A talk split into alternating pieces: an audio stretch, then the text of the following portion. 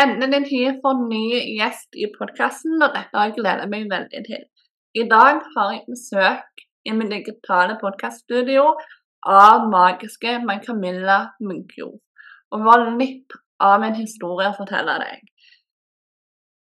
Her, som på hennes egen Instagram-konto, så deler hun raust, ekte, sårbar og modig.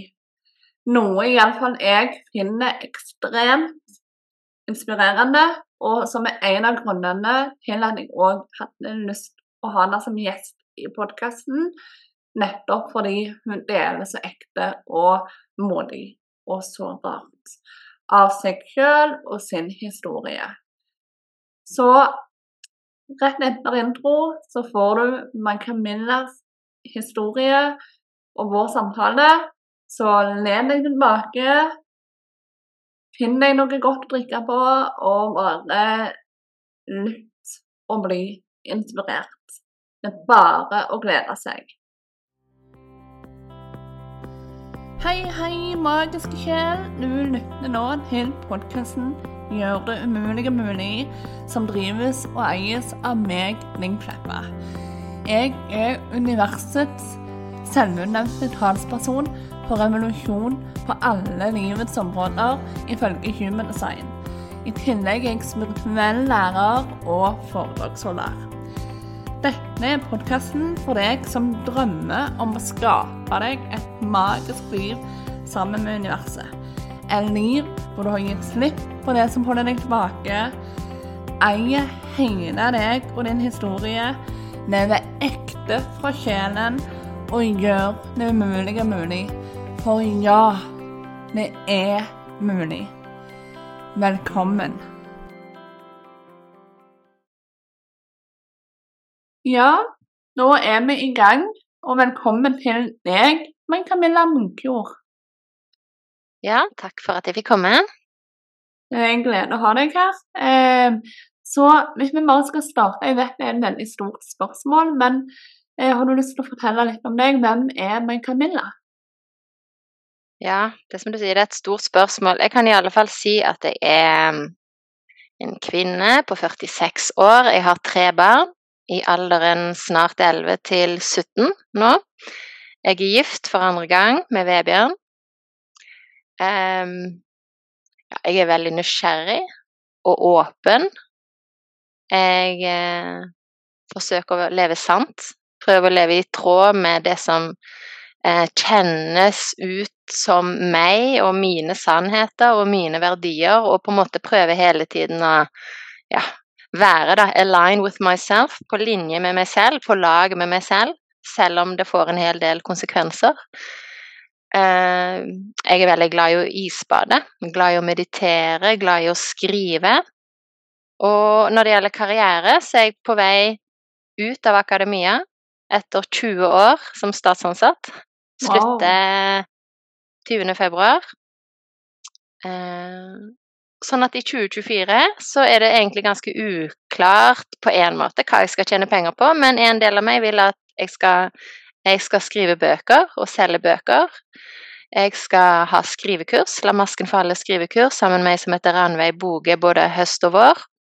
Wow. Og jeg skal eh, eh, Så driver jeg jo podkasten min, La masken falle podkast. Ja. Og den eh, Kanskje noen har lyst til å sponse den, who knows? Kanskje jeg får et stipend av Fritt Ord, who knows? Ikke sant? Altså, jeg bare lener meg inn, og så regner jeg med at på et eller annet vis så vil det genereres inntekter. Ja. Det er jo eh, veldig fint. Eh, veldig fin presentasjon av deg. Og du var jo inne på dette her med, å, med dette her med skriving og sånt. Og eh, Jeg kom jo over deg på sosiale medier, på Instagram. Mm. Der du deler veldig raust og åpent om din historie, og du har jo skrevet ei bok. Eh, og, og i gang med skriving av flere, har jeg forstått. Mm. Eh, så har du lyst til å fortelle litt om eh, Altså dra oss litt tilbake til der historien din litt starter, og så begynne å så Ja, Nøste litt. Vi kan starte der, ja. Mm. Jeg kan begynne med jeg kan begynne med den skriveprosessen, eh, og så gå tilbake fra skriveprosessen. Hva var det jeg skulle skrive om? For det var sånn at for Mm. ca. to år siden, rett før jul for to år siden, så våkna jeg grytidlig en morgen med en sånn følelse av at det var noe som skulle skrives. Så jeg bare sto opp og satte på PC-en, og så, etter en liten stund, så kunne jeg sjøl lese et av mine første dikt, som het 'Barndommens infiserte brakkvann'. Og det diktet det handla om at jeg som tiåring hadde på en måte blitt et lukka blåskjell. Med polert skall som reflekterte det de voksne ville se. Og at blaff av følelser, skriver jeg i diktet, ble, de ble børsta bort som uønskede smuler etter kveldsmaten. Og kun vage ekko av smerten kom til overflaten som eh, en løs venstreankel med stadig overtråkk, konstant forstoppelse, tåkete syn og dårlig hørsel. Og så avslutta jeg diktet med, med noe sånn som at Men nå er blåskjellet dekket av rur, tang og tare, og jeg åpner meg endelig for å gi slipp på barndommens infiserte brakkvann. Og så tenkte jeg barndommens infiserte brakkvann, sånn har ikke jeg tenkt på min barndom før. Og så kom tanken dette, Mai Camilla, er jo åpningsdiktet i din personlige bok som skal handle om å gi slipp på barndomstraumer. Wow. Og så sier jeg til meg sjøl at eh, jeg har ikke spesielt lyst til å skrive noen bok, og i hvert fall ikke akkurat nå. Det er start jul, og i hvert fall ikke om barndomstraumer. Eh, ikke sant? Fordi på det tidspunktet for to år siden, da holdt jeg akkurat på å bli frisk etter ett og et halvt år med mye sykdom og sykemelding og slitenhet og terapi osv., og, så videre, og det skal vi komme inn på, ikke sant? men da begynte jeg liksom endelig å bli, bli, jeg begynte å bli ordentlig frisk og hadde liksom planer om å vaske hus og være julemamma og bake julekaker og i det hele tatt. Jeg, liksom, jeg har ikke tid til å sitte og skrive noen bok nå. Men så var det veldig sånn tydelig at ja, men bare gjør det. Og så elsker jeg jo å skrive, som jeg sa. Eh, men jeg hadde jo frem til da mest skrevet akademiske forskningstekster. Men jeg hadde også alltid skrevet dagbøker og brev og e-poster og alt sånt, men det hadde jeg ikke regnet med, nesten, hvis du skjønner. Nei. Mannen min han sier jo nå etterpå at du, du alltid, du sitter jo og skriver hele tiden, på en måte, du elsker jo å skrive, men jeg var ikke bevisst på en måte hvor høyt jeg elska å skrive, hvis du skjønner. Det var ikke som det var bare no, naturlig noe jeg gjorde. I alle fall, altså liksom, så den samme morgenen, bare noen kanskje minutter senere, da, så sier jeg greit, jeg kan skrive den boken, men jeg har aldri skrevet noe uten en plan før, så da må jeg få hjelp. Og så åpna jeg meg opp i meditasjonen og ba om hjelp, og så følte jeg at det kom da en sånn slags energi som jeg på det tidspunktet visualiserte som en bever. Ikke fordi at jeg trodde det var en bever, men det var et symbol som jeg forsto. Der liksom beveren holder på å bygge en dekk, de, demning, ser jeg for meg i mitt indre, sant. Og så grein på grein. Kom igjen, let's go, liksom. ja, herlig visualisering. Ja. Og så begynte jeg å skrive. Eh, og så satte jeg noen rammer, da. At greit, jeg kan stå opp grytidlig. Jeg kan stå opp klokken altså grytidlig, ganske tidlig i hvert fall, klokken seks. Og så kan jeg skrive frem til ti hver dag nå i juleferien. Men resten av dagen må være til familien. Det var liksom dealen. Ja. Og så gjorde jeg det. Uh, ja. Og etter bare noen dager så var jeg jo helt sugd inn i den skriveprosessen. Så da, den, den der skiferien som vi skulle på, en sånn liten skiferie til Voss, den ble jo litt mislykka med at mor ville ikke være med i slalåmbakken og ingen steder, for jeg måtte bare sitte på hotellet og Å, ja. skrive. så liksom, dere andre må bare gå, jeg er opptatt, og tsk, tsk, satt og skrev og skrev og skrev og skrev. Og etter et par uker, 2. januar, så var råmanuset til hele boken på plass. Det er jo helt rått. Altså, Ja, det er rått. Ja. en hel bok på bare ja, et par, Et par uker. uker. Ja. Ja. Brukte jo tid på å revidere. Og jeg bruker Ja. fremdeles Jeg har brukt mye, mer- mye mer tid på å revidere enn på å skrive førsteutkastet. Altså det førsteutkastet Det er på en måte som om det skrev seg selv, og selvfølgelig er det jeg som skrev det, men det var veldig spesielt, for jeg bare skjønte Jeg bare valgte å skrive, og så skjønner jeg på en måte Akkurat som jeg leser nesten selv det jeg skriver. Og det er litt samme måte jeg skriver Instagram-innleggene nå, forresten. Jeg skriver et Instagram-innlegg nesten hver dag. Og jeg gjør det Mm. i meditasjon eller rett etter meditasjon. Og jeg vet sjelden hva det skal handle om, og jeg bare åpner meg opp. Hvis det er noe jeg skal skrive i dag, så bring it on. Det er mer sånn, ikke sant? Og, Mm. og en del av meg tenker oh my god, skal jeg, skal jeg publisere dette? Ja. OK, let go, liksom. Bare poff. Og så um, er det sånn jeg føler at jeg kommuniserer det, med å bli bevisst selv på både Mm. mine egne tanker og eventuelt andre sine tanker, og, og kall det mine guider eller universet sine tanker, eller det som Mm. jeg skal formidle. Det kommer gjennom skriftlige ord, da, primært. Kanskje òg nå det. når vi to snakker sammen, men primært for min del gjennom skrift.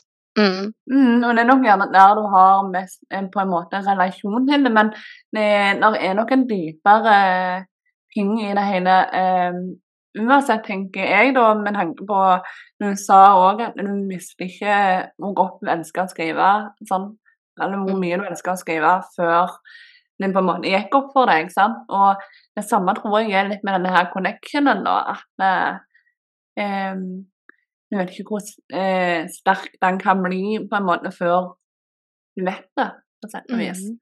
Mm.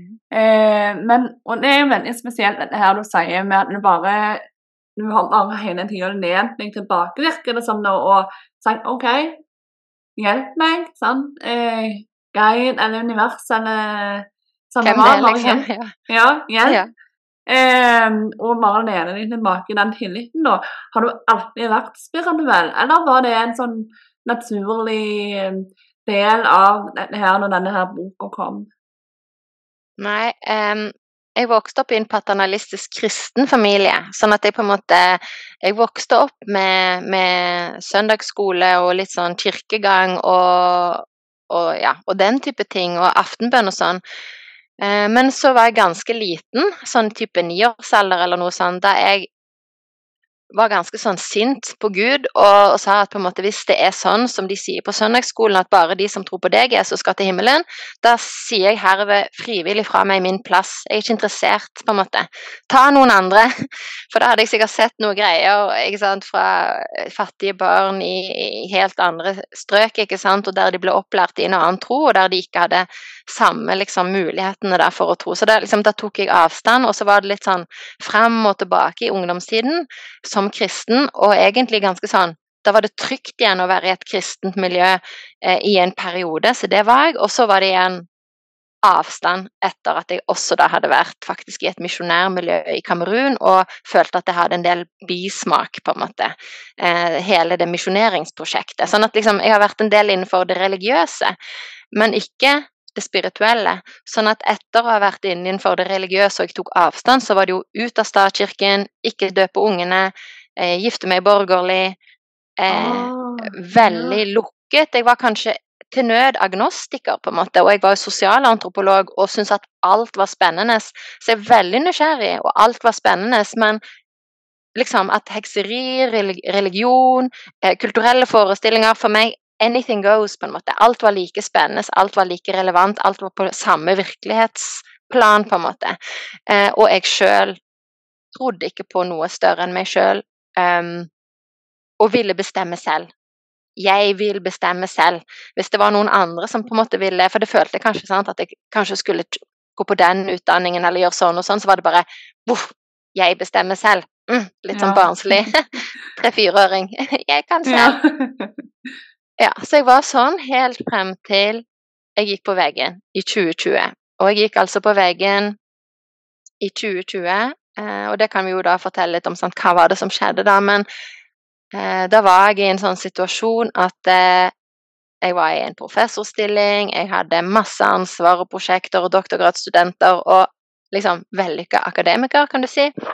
Mm. Og så samtidig så strevde jeg, men ville på en måte ikke innse at jeg strevde, men jeg syntes at jeg hadde en vanskelig mann, da. Og det er den mannen jeg er gift med i dag, så vi har hatt Ja. et fantastisk vanskelig og fantastisk givende parforhold egentlig fram til nå, vil jeg si, da.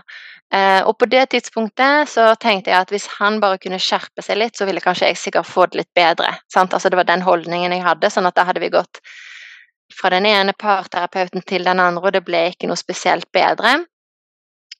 Og så var det vel en av de parterapeutene som sa Mai Camilla, kan det hende at noe av det du beskriver nå, kan ha noe med din barndom å gjøre? Og det trodde jeg jo ikke at jeg kunne ha. Og hvis det var noen som hadde en barndom i sekken, sa jeg, så var det min kjære mann, ikke jeg. Ja. Også, men allikevel, da. Så sådde vel det et frø, og så er jeg handlingsorientert og sånt. Nå, så etter kort tid så begynte jeg på psykologen. Det var omtrent samtidig med at korona kom. Så la oss si mars 2020, kan det vel være da, kom korona, og da begynte jeg hos psykolog. Husker vi satt på Zoom, og jeg skamma meg litt for å sitte der og oppta hennes tid, fordi at jeg var helt sikker på at eh, den slags bagateller som jeg bar på, var sikkert ikke verd å bruke en psykologs eh, tid og oppmerksomhet på. Men det var det jo, da. Sant? Fordi at eh, da kom jeg i løpet av den våren i kontakt med det som jeg frem til da ikke hadde vært bevisst. Mm. Og det var kort fortalt at det som jeg frem til da hadde tenkt på som kjæresteforhold da jeg var ni år, det var seksuelle overgrep. Og det som jeg frem til da hadde tenkt var en lykkelig barndom. Det var ikke bare en lykkelig barndom, men det var også en barndom med mye frykt, mye mm. utrygghet, med en Kall det for en sånn type lydighetsorientert, streng, paternalistisk far som kjeftet og truet, og en mer sånn type, om ikke underdanig, så i hvert fall emosjonelt bortvendt mamma, som okay. ikke blandet seg, og som bagatelliserte det som pappa sa. Ikke bry deg om pappa, han sier så mye dumt. Men som var vitne til en del vanskelige episoder som jeg skriver om i La masken falle, som eksempel da jeg som syvåring nok en gang kom noen minutter for sent hjem til søndagsmiddagen og da er det på en måte ned med buksene og ned med trusen og ris på blanke messingen foran hele familien. Og så må jeg selv ikke sant, opp med buksene og vaske hendene og spise opp hver smitt og smule. Sånn, altså, så det var liksom den type dynamikk, og så sitter mamma bare og observerer dette uten å gripe inn. Ja, det må jo være traumatisk for en liten unge, og i alle fall, sant. Og eh, ja, nei, det Ja, sånn, så jeg hadde med meg det. sånn at når psykologen da spurte For begynte, jeg beskrev da disse her forholdene til disse tenåringene, og så sier hun Er du klar over at det du beskriver, er overgrep? Og det var jeg ikke klar over. Ja, men de voldtok jeg meg jo ikke, svarer jeg liksom, eller noe sånt. Nei, men det du beskriver, er jo overgrep. Og da husker jeg òg hvordan jeg hang i taket ikke sant, og så ned på meg selv som lå på denne her de hadde satt inn en sånn solseng sant, på det ungdomsrommet, og hvordan de begge to på en måte Ja. Av med klær og penetrering med fingre. Altså, det var overgrep, liksom. Helt ja, åpenbart. Men jeg, men jeg hadde gått frivillig tilbake flere ganger, så jeg tenkte at vi var kjærester. Niåringen ja. tenkte jeg var stor, niåringen tenkte at vi var kjærester. Ja. Og så var det liksom Men så skjedde det noe litt senere som egentlig for niåringen var verre det var at disse ungdommene hjulte meg opp med noen av de andre ungene. De samme ungdommene. De kom noen måneder senere. Kanskje hadde det gått rykter om at vi hadde vært kjærester. I alle fall så skulle de markere for de andre ungene i gaten at de ikke likte meg. Så da var det en høstdag de kom mot meg med fire av ungene i gaten, og jeg stusser jo litt på at disse to tenåringene kommer med, men de gjør det, og jeg står der og tenker et øyeblikk skal vi leke boksen av? Men så tar jo han ene ungdommen meg i et jerngrep og sier til han andre slå. Og så begynner han andre å slå og slå og slå i ribben først. Og så slår han meg i ansiktet, og så sier han som holder ikke, i trynet. Man må ikke lage blåmerker. Slå ned mer i ribba, der er det vondt. Og så slår de og slår, sant, med disse fire ungene som vitne. Og jeg dissosierer antageligvis, i alle fall så gråter jeg ikke. Jeg bare ser liksom at jeg har et fårete smil og venter at de skal bli ferdige. Og så blir de ikke fornøyd fordi de skulle få meg til å gråte. Og så får den ene en, tang, en idé, da, med kastene på sjøen. Så da bærer de meg ned til nærmeste brygge og kaster meg på sjøen med klær en høstdag i oktober. Og jeg er veldig, veldig redd når de bærer meg ned. Jeg, en del av meg tenker de kan ikke gjøre det. Og jeg er ikke så trygg i vann. Jeg vet ikke hvordan dette går, sant? Mm. Og så slenger de meg fram og tilbake som en hengekøye, og jeg får liksom tatt av meg brillene. Jeg bare 'Brillene mine!' Får jeg gitt brillene da til hun ene som står og ser på. Og så kaster de meg faktisk ut på sjøen. Og i svevet liksom så tenker jeg Dør jeg nå? dør jeg nå? sant?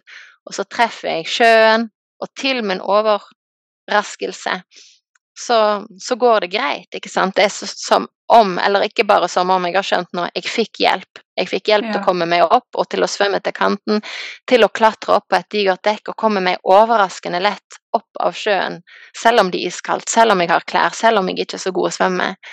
Og så får jeg brillene tilbake, og så går jeg slukøra, sint, lei meg, flau, skamfull, alt på en gang. Og så roper, roper han ene gutten, som jeg hadde likt ganske godt. Det var hans rom jeg hadde vært inne på flere ganger.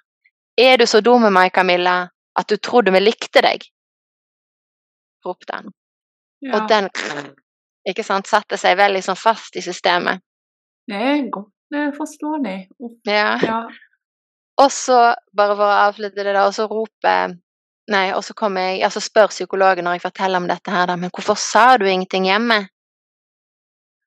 Og det som gjorde at jeg ikke sa noen ting hjemme, det var Da svarte jeg spontant fordi jeg trodde at pappa ville si Altså, jeg trodde at pappa ville ha sagt Hvordan kunne du være så dum, Mai Camilla, og innlemme deg med de bøllene? Og det er klart at pappa sa ikke det, for jeg fortalte aldri noen ting, men da begynte vi å nøste i hvorfor trodde niåringen, eller tiåringen hadde jeg blitt da, at pappa ville ha sagt det. Og det var da vi kom inn på det miljøet jeg var vokst opp i, som var utrygt, ikke sant? Mm. Så det var innsikt nummer to. Eh, det var at min barndom var ikke bare rosenrød, men den var også utrygg. Og, eh, ja, og det som var kjæresteforhold, var, var i, i realiteten overgrep. Og når jeg da på en måte hadde innsett det, så innså jeg også at jeg var ikke bare frisk som en fisk og alt i orden. Jeg hadde faktisk en rekke forskjellige symptomer på det tidspunktet i 2020 på veldig dypt stress. Sant? Jeg, jeg hadde veldig dårlig søvn. Jeg var veldig stresset. Jeg ble veldig lett emosjonelt overveldet og gikk i overload. Jeg var konstant forstoppa. Jeg hadde en del hoftesmerter, jeg hadde en del ankelproblematikk, eh, og jeg hadde lav selvfølelse. Jeg hadde veldig, veldig behov for å ta ansvar for alle andre, for å hjelpe alle andre, for å prestere veldig høyt. Og jeg var veldig stolt over alt dette, men jeg forsto ikke at alt sammen var det vi kan kalle for kamufleringsteknikker for å holde min indre smerte på avstand. Mm. Mm. Det er jo ofte det, det som skjer, virker det som. Og, eh, og jeg eh, har selv opplevd liksom Og ofte tenker vi jo disse her eh, traumene, sant, at eh, de skal være så store, sant, sånn som det har opplevd. Det er jo mennesker store traumer, sant. Det, det, er ofte sånne ting eh, folk forbinder med traumer. Men så har du òg disse her Sånn, som liten så ser du annerledes på verden. sant. så, mm. eh, så det kan være gjerne bare en liten bagatell i, i den eh, voksne deg da, sine øyne som har skapt et traume i barndommen. Mm, det og, tenker jeg akkurat det samme som deg, at, eh, og det kan noen ganger òg være fraværet av noe som skaper et traume. Sant? Det trygge mm. fanget som ikke var der, klemmen som ikke kom når du trengte klemmen. Eh, det at ingen trøsta deg når du var lei deg, da du hadde trengt det. Det kan også være mm. det som gjør at barnet lærer at mine følelser er ikke så viktige. Mm. Jeg er ikke så viktig. Nei, det er, det er liksom det. Så eh, derfor er det så fint nå å se at flere og flere begynner å snakke faktisk om traumer på en litt annen måte enn eh, og, eh, og, sånn som du, som deler så mye av dine traumer, og det faktum at du, du visste ikke du hadde traumer før eh, nå, sant? Mm. Eh, at det, eh, det skaper litt mer bevissthet rundt det hele, da, føler jeg. At mm folk gjerne kan begynne å dykke litt dypere i seg selv og begynne å rense ut disse tingene sant? som gjerne skaper ubalanser i kroppen. Mm.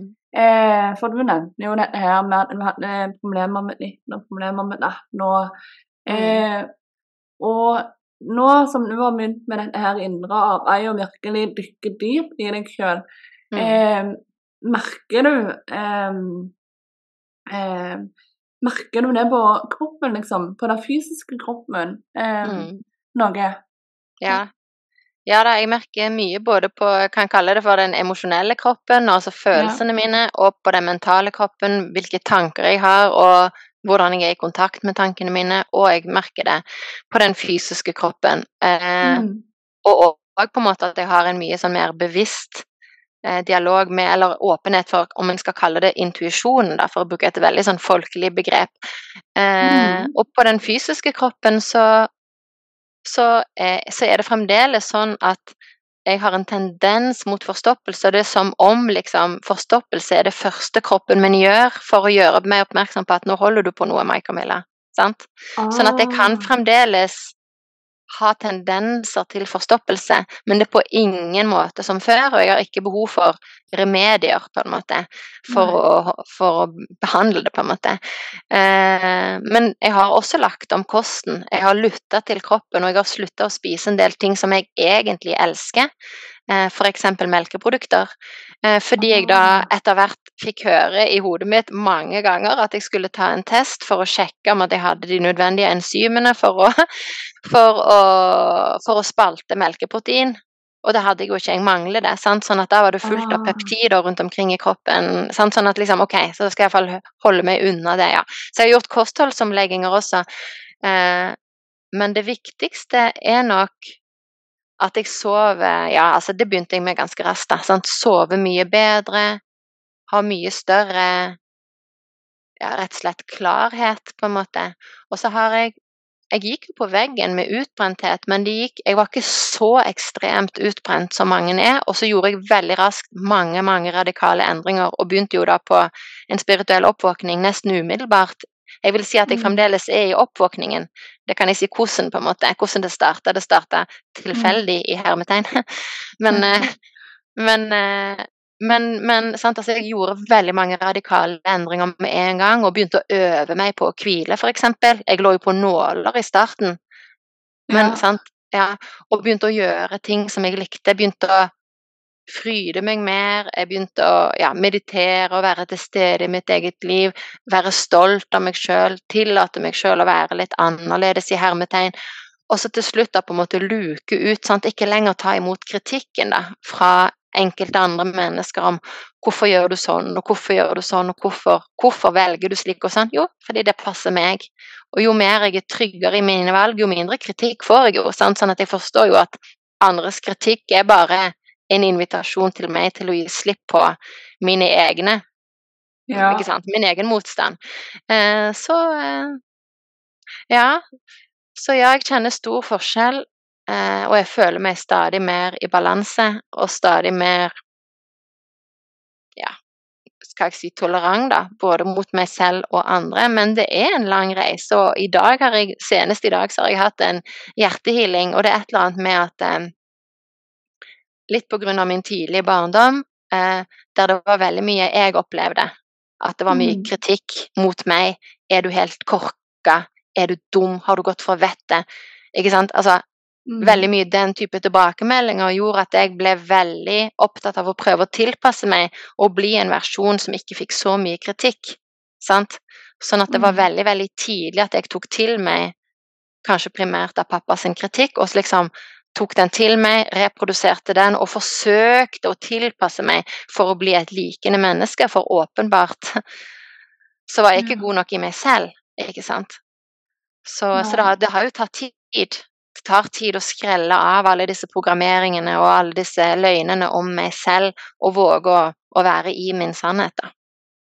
Mm. Absolutt. Eh, og jeg tror jo òg litt dette her med at om du ikke ønsker, så, så tar det at indre arbeidet aldri slutt. Sant? For du, du skreller et nytt lag, og da dukker det opp et nytt.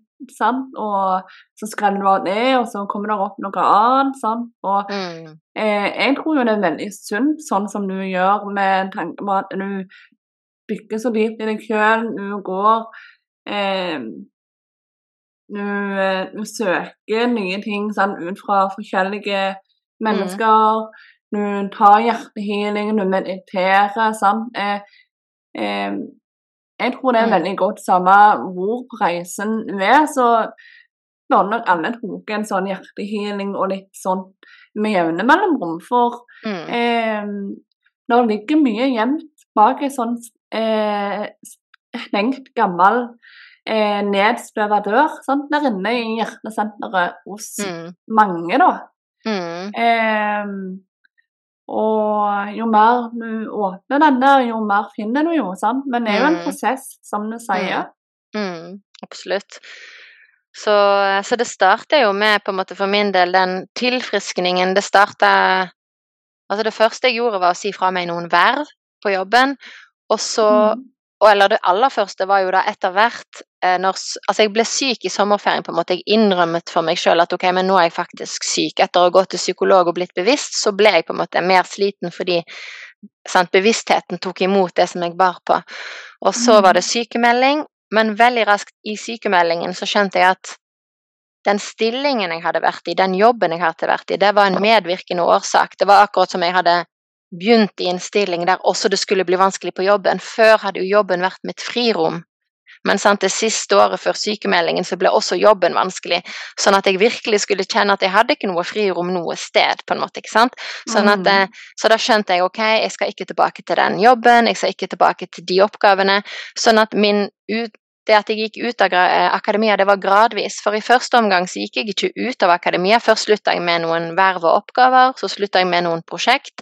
Så slutta jeg som professor, men fikk forskerstilling og en bistilling som professor, sånn at jeg, jeg var fremdeles det, ja, på en måte i akademia.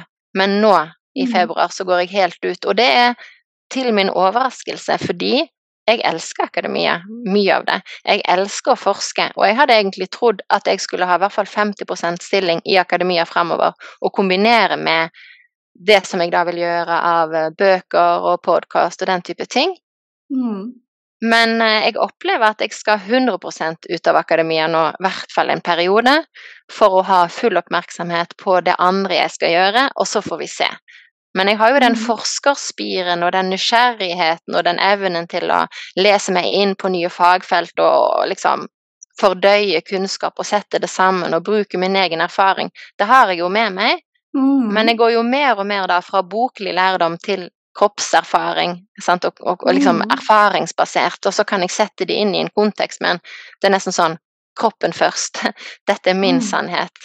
Og så er det opp til andre om de kjenner at det resonnerer med dem eller ei. Mm. Veldig, veldig bra. Mm. Ja, og så kan jeg si, og så var liksom da etter det, så var det da, det var psykolog, og så var det psykiater, og når det på en måte ikke hjalp meg så langt på vei, så begynte jeg da, jeg fikk en livsveileder, som også var sjaman, Oi. og jeg så jo at det sto at han var sjaman, men det bare valgte jeg å se bort fra, mitt kognitive jeg så bort fra det, sant? fordi at jeg må ha en livsveileder, jeg må ha en som engasjerer seg mer, sant? Så jeg skrev en e-post, fikk han, sjamanen, som livsveileder, og via han da, så kom jeg jo inn på hans kurs, ikke sant, i både sjamanisme og i reiki-healing og i lyskropp og i chakrasystem og i si, meridianer og whatnot, og det var jo helt gresk alt sammen for meg. Eh, og det var meditasjoner, og det var lysvesen, og det var whatnot. Ja. eh, og på en måte så hadde jeg Jeg så akkurat som ingenting, hvis du skjønner. Jeg var fullstendig Det var helt svart, men jeg erfarte jo litt emosjonelt. Mm. Eh, og, og hodet mitt på en måte utvidet seg og utvidet seg, og jeg begynte å lese, sånn at jeg skjønte i hvert fall at det som har vært min sannhet frem til nå, det er antageligvis bare et knappnålshode av det som finnes. Så Mm. hva om det er sant at alt jeg har lært på skolen, bare er en bitte liten brøkdel av sannheten? Hva om det Mhm. finnes mye mer? Hva om det er sant at jeg har en sjel som har en menneskelig erfaring? Det var en helt ny tanke for meg. Men jeg vågde å åpne meg opp for det, og via det da også andre alternative terapeutiske retninger. Først litt mer alternativt, som psykodrama, og så hypnoterapi, og så traumeterapi. Og jeg har hatt behov for veldig mye traumeterapi fordi jeg forstår at min eh, reisevei er dyp traumatiseringer, både kanskje fra dette og tidligere liv, for de som tror Mm. på reinkarnasjon, og mye, mye karmisk press, og Mm. mye som jeg har tatt på meg å forløse. Eh, Men i begynnelsen så trodde jeg jo ikke på reinkarnasjon, og jeg trodde ikke på karma, jeg trodde ikke på noen ting av dette, men jeg vågde å si hva om? Hva om, hva om. Og så nå i det siste så er det jo mer og mer egentlig mer sånn type ja, hjerte, hjertehealinger og readinger og, og den klarsynte som, som, hjelper meg å komme i kontakt med min egen kraft og mine egne evner, sånn at jeg kan stå mer og mer på mine egne bein og bare være på linje og lene meg inn på en helt annen måte å være i verden på. Sant? For meg som har vært mm. akademiker og professor og planlagt i det hele tatt, og så til å liksom gå og ikke Jeg vet ikke, I don't know, liksom, holdning. Det er jo veldig annerledes og veldig spennende. Mm. Men det mm. høres jo virkelig ut som at eh, vi har gjort det veldig naturlig i alle fall skriveprosessen nå, det da. At en bare lener deg inn og stoler på at det som kommer, skal komme. sant? Og mm. eh, eh, mm. Så det virker det føles på en måte litt ut som at du er, eh, du er mer i kontakt med din høyeste selv og intuisjonen din og sånn enn gjerne det du er klar over, da. Eller eh, er du klar å ta inn akkurat nå, på sett og vis. Eh, siden denne her akademiske delen av deg eh, sitter litt eh, Har litt plass ennå, sant. Eh, så ja. du er litt på litt av en reise. Jeg er på litt av en reise, men det, veld, det er veldig gøy. Da, for Et eksempel på det med mm. hvor åpen jeg er, sant? det var at eh, jeg visste jo ikke hva som skulle komme i dagens hjertehealing, så klart. sant? Men eh, ja, og så kan jeg være helt åpen. Da, sant? Jeg er allerede i overgangsalder, jeg vet ikke hvor lenge jeg har vært det. For det er ikke så godt å vite når man har gått på hormonspiral, sånn som jeg har gått. sant? Men jeg, da jeg tok ut hormonspiralen, så kom aldri mensen tilbake. Og, så, så der, og, derfor har jeg aldri Jeg vet ikke eh, om noe om syklus, og har ikke vært noe interessert i noe syklus. ikke sant? Så i forgårs da, så fikk jeg plutselig en sånn tanke om at jeg skulle høre en podkast om kvinnesyklus, og så inni der da, så var det noe om kvinnesyklus etter overgangsalder. Og så var det sånn at jeg Og så åpna jeg meg opp, og så kjente jeg etter ok, men hvis jeg har en syklus, hvor er jeg da? Og så følte jeg at det som var svaret, var da er du dag én og kjenn etter. Liksom, det var det som jeg følte var svaret, helt sånn tydelig. Og så i dag, da, i dagens hjertehealing, så kommer det en gudinne liksom fram, eh, som også er for overgangsalder, og som, og som og snakker om viktigheten av at jeg skal være bevisst min egen syklus, fordi jeg og alle andre som er i overgangsalder, vi har også syklus, og det handler om å være bevisst at vi har variasjoner i humør og energi og IQ og EQ og alt mulig forskjellige ting, og at det er et poeng på en måte å ah. være mer bevisst på det. Og så snakka hun litt om det, da, og så tenkte jeg på dette Oi, tenk hvis Hva om det var sant, det som jeg følte, nemlig at det var dag én i forgårs. Da er jeg jo i dag tre i dag. Og så spurte jeg da underveis kan jeg få lov å stille et spørsmål. Ja, og så liksom Jeg forstår at jeg skal undersøke dette selv, men jeg fikk jo denne tanken sånn og sånn, sånn som vi beskriver til deg, og så lurer jeg på ja. hvor er jeg i dag, da? Hvor, hvor, er jeg i syklusen i dag? For da sa jeg ikke jeg tror jeg er dag tre. Det sa jeg ikke. Jeg bare spurte hvor er jeg i dag? Og så sier hun da, hun som, hun som gjør readingen, jeg får at du er dag tre. Skjønner du? Og da har jeg akkurat fått det, så det betyr jo jeg skjønner Og jeg får sånn tuk, tuk, tuk. Så det ble en sånn veldig bekreftelse wow. på at jeg er åpen, og jeg liksom jeg, jeg, får veldig mye, og jeg skal bare stole på det som kommer, på en måte. Sånn at eh, Ja. Så jeg vet at jeg er åpnere enn en del av meg tror, på en måte, mm. og at eh, det har jeg også merka i readinger. Når jeg får readinger, så er det som om de leser Instagram-innleggene mine, eller som om de leser notatene mine, hvis du skjønner. Jeg, jeg skjønner at de er ganske sånn at jeg bare åpner meg opp, og jeg filtrerer ganske lite. Mm. Mitt ego filtrerer så lite jeg klarer, ja. hvis du skjønner hva jeg mener. Sant? Jeg forsøker å ikke ikke, ikke vurdere og dømme det som ja. kommer, selv om det bare, er radikalt. Bare ja. skrive og så trykke 'publisert' på en måte. Ja. ja. Mm. Og sammen med bøkene som kommer. Sant? Det kommer en ny bok nå til våren, og de to neste er på vei. Oi. Og en del av meg syns jo det er fæle greier. Traumekvartetten kaller jeg alle fire da. Ja. Uh, ja, uh, ja, en del av meg syns det er fæle greier, sant? for det er så radikalt åpent. Men jeg liksom Dette er meg i all min styrke og sårbarhet. This is my story. Og så er det på en måte målet at andre skal komme i kontakt med seg og sin stemme. Det er jo derfor jeg mm. skriver. Det er veldig fint. Pluss at jeg selvfølgelig forstår meg selv bedre gjennom å skrive. Ja, det er mye healing i det å skrive, føler jeg òg. Mm. At det mm, eh, Ja, det er, der er en eller annen kraft der som, som er veldig fin å arbeide med. Mm. Og noen er jo veldig visuelle.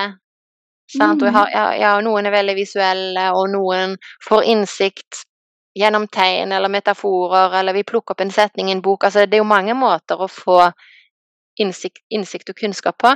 Mens det der med tanker er vi kanskje ikke så vant med at tankene kan komme fra ulike kilder, da. Mm.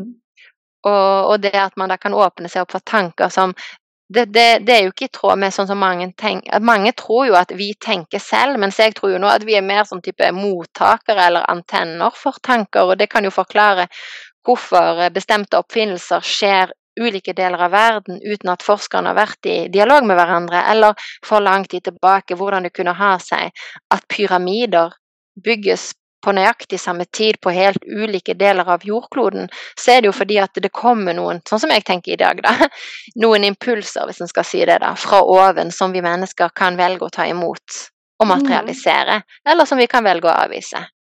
Mm. Så det er jo litt spennende. Er veldig spennende. Alle sånne greier er veldig spennende. Ja. Eh, og ja, nå har vi dykka veldig, altså, vi har dykka veldig dypt inn i ting nå. Eh, så nevnte du disse fire bøkene, da. Eh, er det sånn at eh, når du jobber med disse bøkene, eh, jobber du med eh, Nå har du jo publisert ei, og ei kommer til våren, sa du, og så er det to til på vei. Mm. Men, eh, men er det sånn du gjør deg ferdig med ei før du begynner på neste, eller du holder på med alle tre samtidig?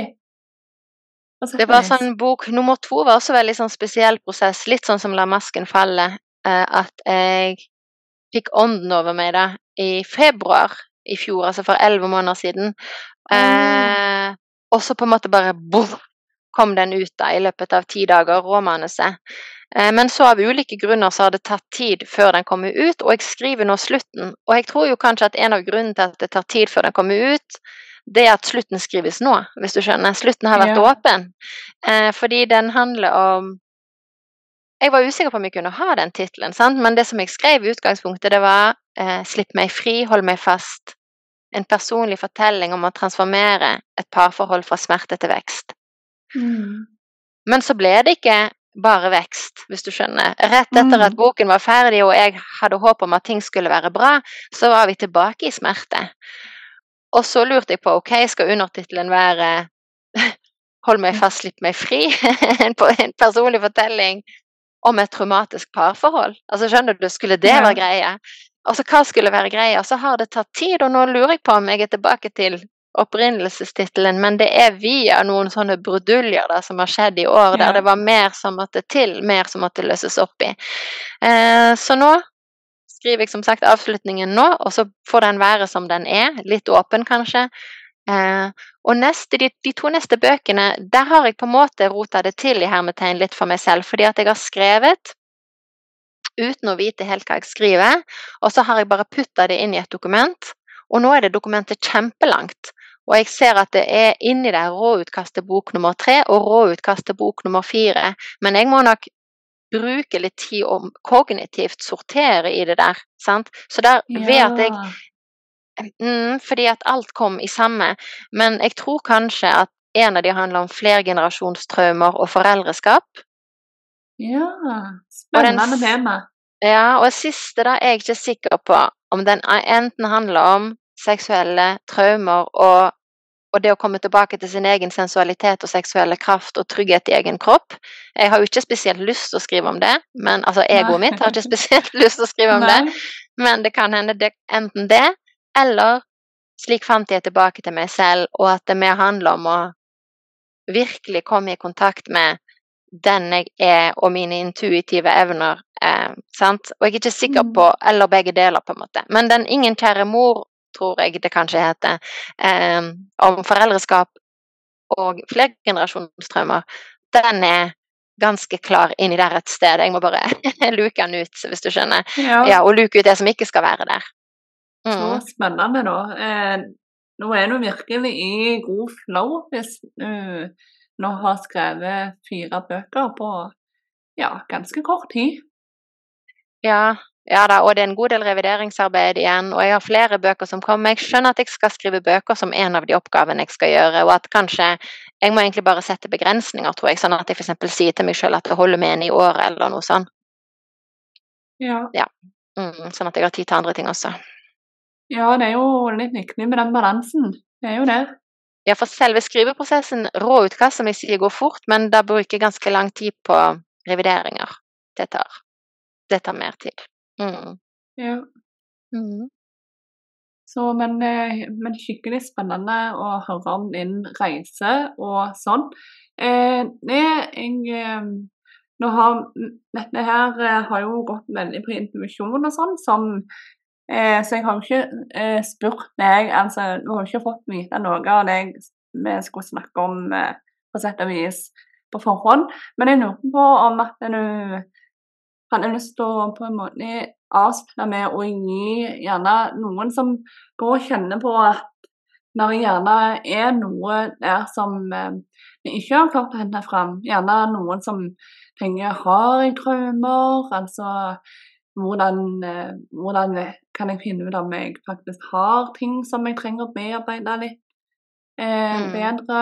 Om du har noen tips til disse menneskene til, til hvordan en kan på en måte starte denne her eh, reisen litt dypere inn i den ukjente delen av seg sjøl, da. Mm. Ja, og jeg tenker jo at hvis noen av de som hører på nå, kjenner liksom at det, det er noe som beveger seg i kroppen, og man lurer på har jeg traumer, så er svaret, sånn som jeg ser det, etter all sannsynlighet ja, og det handler jo om at sånn som jeg definerer traume, og det er i tråd med Gabor Maté og Frans Ruppert og mange andre, så er et traume enten det du kan kalle sår på sjelen eller sår mm. på psyken, eh, som resultat av at barnets følelser og behov ikke ble møtt. Og det trenger ikke å være de store tingene. Det trenger ikke å være overgrep og bli kasta på sjøen, sånn som jeg også erfarte. Eh, som jeg skriver i La masken falle, så er kanskje det vanskeligste traumet for meg det var eh, det er relasjonen til min mor, og at mamma ikke så at mamma var bortvendt. Det er kanskje det aller vondeste traumet. Og det er selvfølgelig vanskelig for en bortvendt mor å akseptere, men, mm. men sånn kjennes det ut, sånn kjennes sannheten for meg. At det vondeste var at mamma ikke så. Og det betyr jo da at da har de fleste av oss ikke nødvendigvis sett av foreldrene våre. De fleste av oss har ikke nødvendigvis følt oss akseptert og elska akkurat sånn som vi var av foreldrene våre. Og det er fordi at foreldrene våre de har gjort så godt de kunne, men de var selv traumatisert pga. sin egen barndom og pga. de sant, tingene som de sjøl ikke har bearbeidet. Så jeg sier ikke at mm. alle er traumatisert, men veldig, veldig mange av oss bærer på traumer. Og hvor du da kan begynne for å nøste i det, det kan være mange steder. Eh, hvis du er spirituelt interessert og åpen, så vil jo jeg anbefale en reading. En reading hos en person som tilbyr readinger, og som du har tillit til. Og så spør du Når du gjør en reading, så betyr egentlig det bare Det har sikkert du Linn snakka om før, men at en person som kan lese energifelt eller aura, eller hva du vil si, da, de, du, du, du, tillater vedkommende å koble seg på, sånn at de kan sette ord på det som beveger deg, beveger seg i din aura, i din lyskropp, i din eteriske kropp, kall det hva du vil, eh, mm. sånn at du kan få innsikt i hva som beveger seg der, og som, hva som du nå er klar for å ta tak i. Hvis det er altfor svevende for deg, så vil jeg jo da anbefalt hypnoterapi. Hypnoterapi Eh, da finnes det mange dyktige hypnoterapeuter. Dere må gjerne ta kontakt på DM på Instagram hvis dere vil ha noen navn.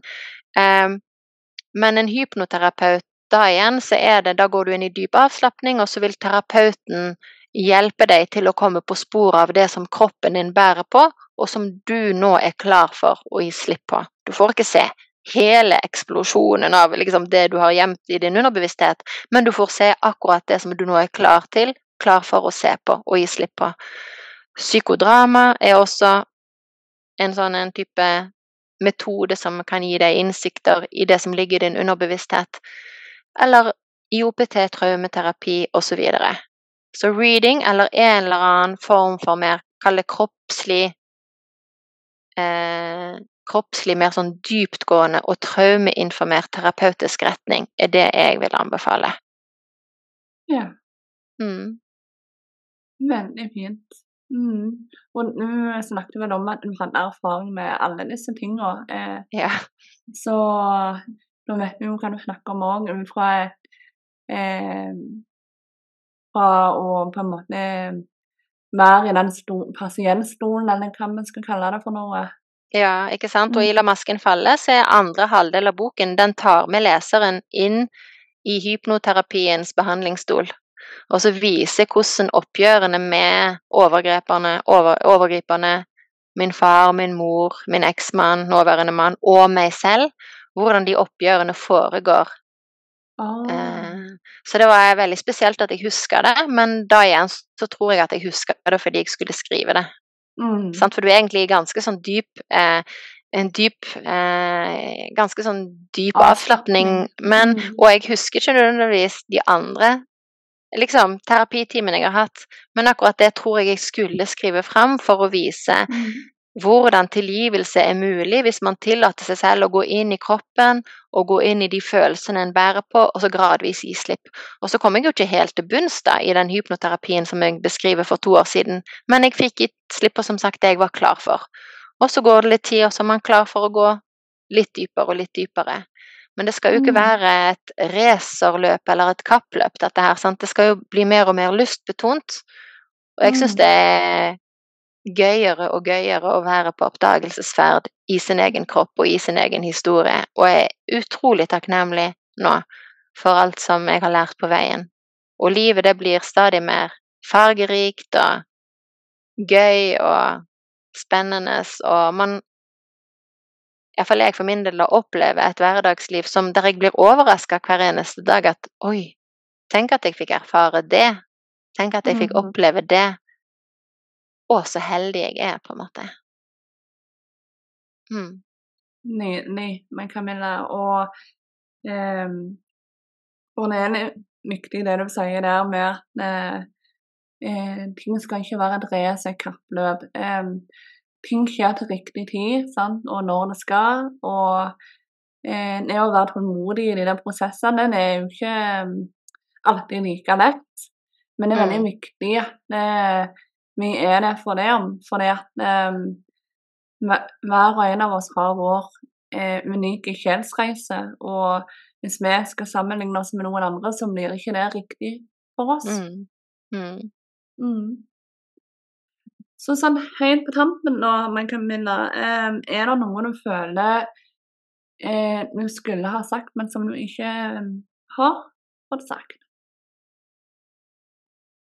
Nei, det er ikke noe spesielt, bare kanskje å si at det som jeg jobber med nå for tiden, det er å eh, gi mer og mer plass til på en måte den feminine kraften i mitt eget liv. Jeg på en måte skjønner at jeg har vært veldig sånn som, du, du, som jeg forklarte, sant, veldig sånn litt sånn rigid og regelstyrt og kontrollstyrt og, og det som på en måte er hodestyrt, det som kan kalles liksom at jeg har vært veldig liksom styrt av den maskuline kraften. Så jeg jobber med å få bedre balanse i meg selv med å åpne opp for mer og mer av den feminine kraften, og da handler det blant annet òg om å kunne ta imot det som kommer. Bare åpne seg opp for å ta imot det som faktisk ligger klart for meg til å ta imot. Mm. Eh, der min oppgave først og fremst er på en måte overgivelse, hvile, åpne meg, og ikke nødvendigvis kontrollere og styre og bestemme selv hva det er jeg skal få. Så kan liksom, jeg kan sette meg et mål, og det er f.eks. at jeg vil leve i kjærlighet, jeg vil leve i fløyl, et fløyelsmykt parforhold, og så overgi meg og se ja, hvordan kan det, det eventuelt utfolde seg. Eller for eksempel, jeg vil leve jeg ønsker å, å formidle på en måte min stemme gjennom bøker og podkast og skrivekurs, og så overgi meg og se hvordan det går an å tjene penger på det. Og den Mm. overgivelsen, å åpne seg opp for muligheter, det er det jeg mener med den feminine kraften, da, istedenfor Mm. å kontrollere og styre og planlegge med hodet nøyaktig hvordan det skal skje. Så det kan jeg Mm. avslutte med å si som en oppfordring til dere som lytter, hvis det er andre som kjenner at de kanskje har en sånn ubalanse når det gjelder eh, forholdet mellom det maskuline og feminine i egen kropp, så tror jeg vi får et bedre liv hvis vi våger å åpne opp, da. Og de fleste av oss trenger jo å åpne opp for mer feminin kraft. Det er jo det gjerne som Mm. det skorter på. Ja, det er veldig mye sånn høssel-høssel-energi ute og går. Så, Mm. Men det er veldig fint å se nå at eh, du kan se en litt sånn forandring og skifte i verden med at feminin kraft kommer mer fram. Mm. Så det er veldig fint å avslutte med det. Men Camilla, Mm. så eh, bare sånn eh, Hvor finner de deg, de som vil eh, eh, se mer av deg, og de som vil kjøpe boka, hvor kan de kjøpe den? Og Eh, folk finner meg på Instagram på La masken falle. Og så kommer det snart en nettside som skal hete lamaskenfalle.com. Eh, og Ja. boken, så lenge den finnes, eh, vil de da finne på nettbokhandler, men så kommer da eh, så kommer bøkene, både La masken falle da, i ny versjon, og den nye boken, de kommer etter hvert. Nå ser det ut til at de kommer i april, det vil vise seg. De blir i hvert fall utgitt på manuskriptforlag, så det blir spennende. Ah, Mm, spennende. Ja. mm. Og skrivekurs for de som vil det, de kan følge med, men det er på Instagram at det blir annonsert, og på lamaskenfalle.com nettside. Det er oppstart rundt slutten av april. Flott. Nå Da skal jeg ta og linke i beskrivelsen eh, til både Instagrammen din og nettsida di, eh, sånn at eh, de som lytter til dette òg, eh, at det, det er bare å gå inn i beskrivelsen og finne link. Ehm, så vil jeg bare si tusen hjertelig takk for at du hadde lyst til å være gjesten min, Camilla, og for at du òg her, som på Instagram, deler så raust og sårbart og ekte. Det, det betyr mye. Mm. Tusen takk for det, Elin, og takk for at jeg vil være gjest i podkasten din.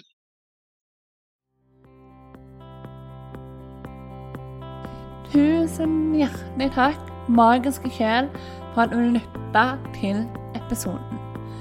Om du likte episoden eller liker podkasten i det hele, så ta gjerne og følg om du ikke allerede gjør det, sånn at du sørger for å få med deg framtidige episoder. Ta gjerne òg og rate podkasten med fem stjerner der hvor det går an. Legg igjen en tilbakemelding, eller rett og slett bare del med noen som du tenker vil like den. Det hjelper meg til å nå ut til enda flere. Så veldig takknemlige for om du har lyst til å gjøre det. Så med det ønsker jeg bare en magisk dag, helg og uke. Ta vare, husk du er god nok, og at du òg kan være magiker i eget liv. Ha det godt.